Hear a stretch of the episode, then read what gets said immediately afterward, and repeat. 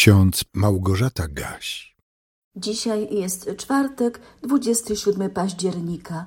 W piątej księdze Mojżeszowej, w siódmym rozdziale, wierszu dziewiątym czytamy: Wiedz, że Pan Bóg Twój jest Bogiem, Bogiem wiernym, który do tysiącznego pokolenia dochowuje przymierza i okazuje łaskę tym, którzy go miłują i strzegą jego przykazań.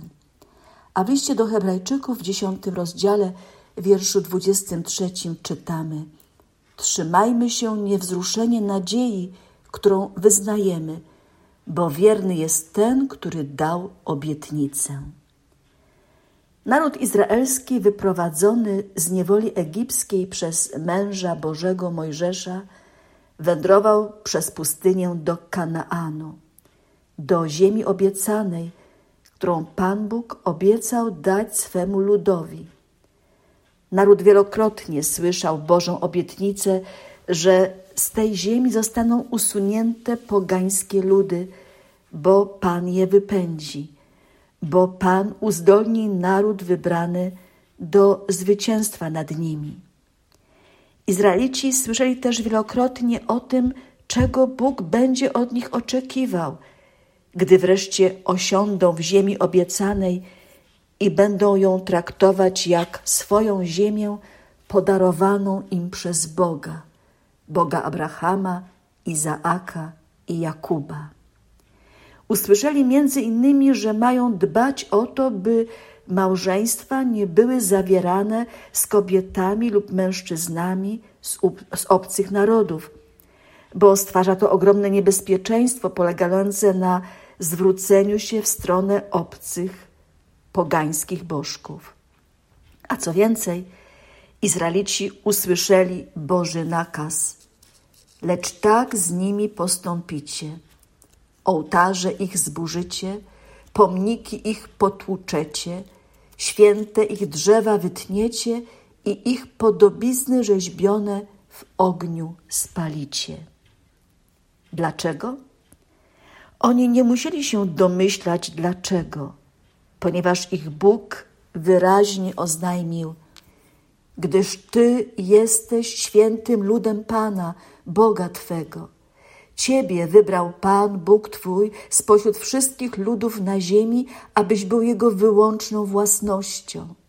Nie dlatego, że jesteście liczniejsi niż wszystkie inne ludy, przylgnął Pan do Was i Was wybrał, gdyż jesteście najmniej liczni ze wszystkich ludów. Lecz z miłości swej ku Wam i dlatego, że dochowuje przysięgi, którą złożył waszym ojcom, wyprowadził was Pan możną ręką i wybawił cię z domu niewoli, z ręki faraona, króla egipskiego. A tak wiedz, że Pan, Bóg Twój, jest Bogiem, Bogiem wiernym, który do tysiącznego pokolenia dochowuje przymierza i okazuje łaskę tym, którzy go miłują i strzegą Jego przykazań. Ci z Was, którzy w miniony poniedziałek słuchali porannego rozważania, być może jeszcze pamiętają, co wtedy mówiłam o Bożej wierności i dlaczego zaakcentowałam biblijną prawdę mówiącą o tym, że na wierność Boga możemy zawsze liczyć. My, ludzie, nie potrafimy być tak wierni, jak wierny jest nasz Bóg. Dziś z listu do Hebrajczyków z dziesiątego rozdziału słyszymy zachętę do tego, by trzymać się niewzruszenie nadziei, którą wyznajemy. A jaka jest to nadzieja? Dla mnie, dla Ciebie, dla świata, jedyną nadzieją jest Chrystus, Syn Boży, który nas ratuje przed wiecznym potępieniem, bo oddał za nas swoje życie, bo przelał swą niewinną krew.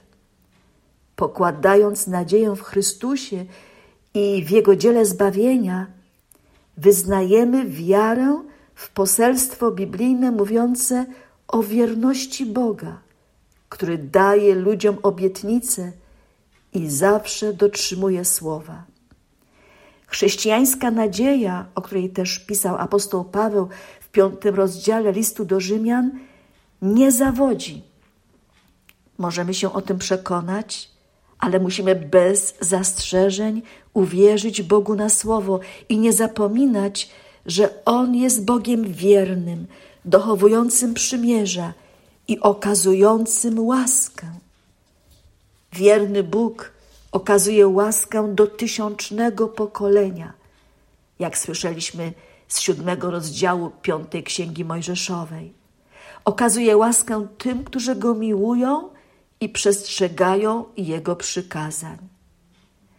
Nie potrafimy przestrzegać wszystkich Bożych przykazań. Popełniamy grzechy, ale możemy swoją nadzieję pokładać w Chrystusie, dzięki któremu łaskawy Bóg błogosławi nam w życiu doczesnym, a kiedyś pozwoli żyć wiecznie w niebie. I to powinno być naszą niewzruszoną nadzieją. A sam Bóg pokoju niechaj was w zupełności poświęci, a cały duch wasz i dusza i ciało niech będą zachowane bez nagany na przyjście Pana naszego Jezusa Chrystusa. Amen.